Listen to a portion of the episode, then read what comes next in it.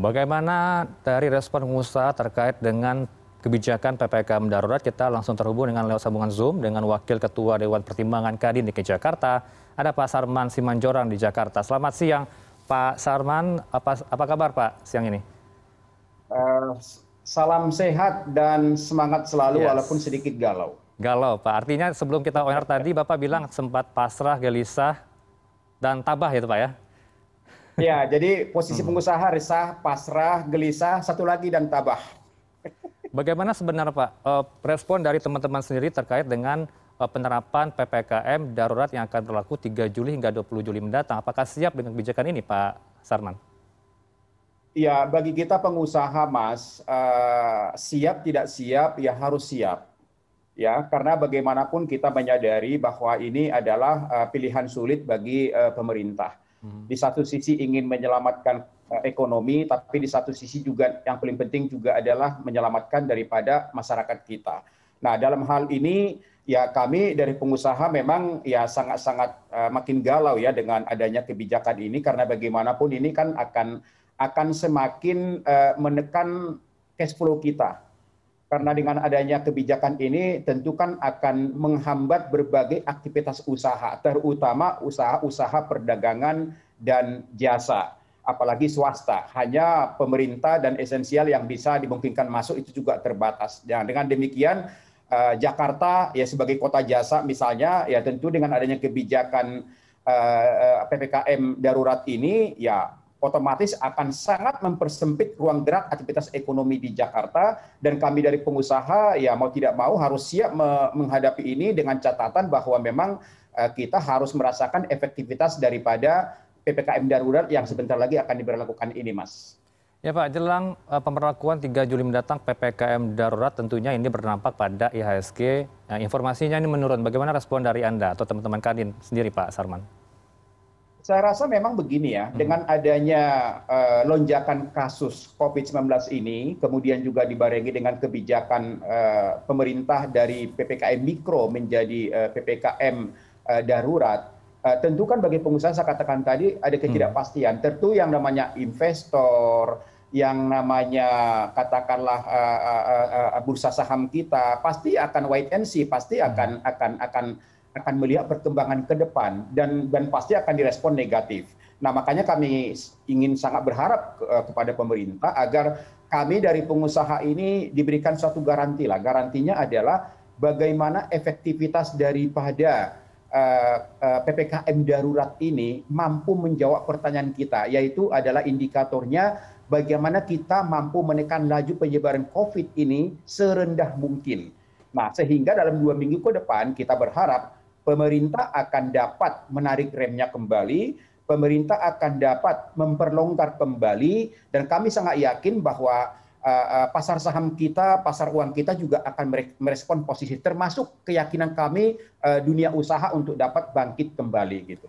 Ya pak sarman ini dengan penerapan ppkm darurat pada tanggal tiga juli mendatang perlu tidak adanya insentif bagi masyarakat dan anda dan teman teman anda dari para pelaku usaha sendiri pak sarman ya tentu memang begini mas. Dengan adanya kebijakan ini kami sudah bisa bayangkan bahwa cash flow kami sudah pasti akan terganggu. Profit kami sudah pasti akan semakin tidak menentu termasuk juga omsetnya. Dan itu akan berpengaruh terhadap biaya operasional daripada masing usaha. Dan saya rasa juga mungkin ya mungkin dengan adanya kebijakan ini tidak tertutup kemungkinan juga akan ada banyak karyawan kita yang dirumahkan ya tentu akan pendapatan mereka juga akan menurun. Nah, dalam posisi seperti ini, ya ketika pemerintah mengeluarkan kebijakan PPKM darurat ini, kami juga berharap memang dibarengi juga dengan adanya kebijakan dari pemerintah bagaimana meringankan beban daripada pengusaha kita saat ini. Ya, misalnya seperti stimulus, relaksasi, insentif yang selama ini diberikan itu bisa diperpanjang dan dievaluasi kembali efektivitasnya. Apakah memang di lapangan itu sudah betul-betul bisa terrealisasi apa tidak. Nah, kemudian yang kedua juga adalah dari sisi operasional kami. Mudah-mudahan juga diberikan keringanan misalnya untuk biaya listrik misalnya, kemudian juga biaya air misalnya, bahkan iuran-iuran kewajiban kami yang lain seperti BPJS misalnya bisa diberikan keringanan. Nah, termasuk harapan kami juga adalah subsidi kepada pekerja-pekerja kita juga. Karena selama ini kan pemerintah juga sudah memberikan yang namanya kartu prakerja, kemudian juga memberikan uh, subsidi gaji kepada karyawan kita yang bergaji 5 juta ke bawah misalnya. Kami kami akan sangat-sangat berharap bahwa itu terus diteruskan oleh pemerintah dalam rangka meringankan beban pengusaha. Nah, kemudian untuk menjaga daripada konsumsi rumah tangga kita, daya beli masyarakat kita, agar semua bantuan-bantuan sosial yang selama ini diberikan oleh kepada pemerintah ini termasuk juga eh, kepada masyarakat kita termasuk juga diteruskan dan ditingkatkan dengan uang tunai kepada masyarakat kita. Nah, termasuk contohnya misalnya pemberian bantuan kepada UKM UKM kita karena terus terang saja dengan adanya ppkm darurat ini terus terang umkm ini juga menjadi sektor yang paling sangat sangat rawan ya. bisa mereka nanti bisa kolab bisa tutup nah ini perlu dibantu oleh pemerintah dari sisi bantuan permodalan dan juga mungkin eh, bantuan-bantuan lainnya seperti misalnya akses mereka untuk masuk ke bisnis online gitu. Pak Sarman, terakhir singkat saja apa harapan Anda terakhir bagi pemerintah pusat terkait dengan kebijakan PPKM darurat ini dan juga apa mungkin suara-suara dari teman-teman para pelaku, para pelaku usaha agar didengarkan oleh pemerintah pusat jelang 3 Juli mendatang, Pak Sarman? Ya, yang yang yang pertama harapan kami agar PPKM darurat ini betul-betul dapat dilaksanakan secara tegas, mm -hmm. no kompromi, kemudian juga bagaimana bila perlu memberikan suatu sanksi kepada siapa pun pelanggar prokes, termasuk kami pengusaha. Kalau kami pengusaha juga dianggap melanggar, kasih sanksi. Karena kita tidak mau main-main, bahwa dua minggu ke depan ini adalah pertaruhan kita.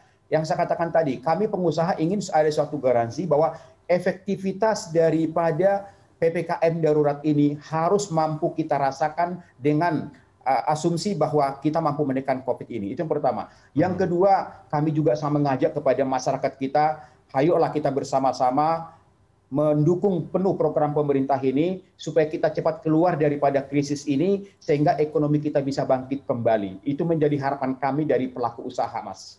Baik, kita harapkan PPKM darurat yang akan berlaku 3 hingga 20 Juli mendatang akan efektif ya Pak untuk menekan lonjakan kasus COVID-19 dan juga ekonomi akan semakin pulih pada tahun ini. Terima kasih Pak Sarman langsung dari Jakarta.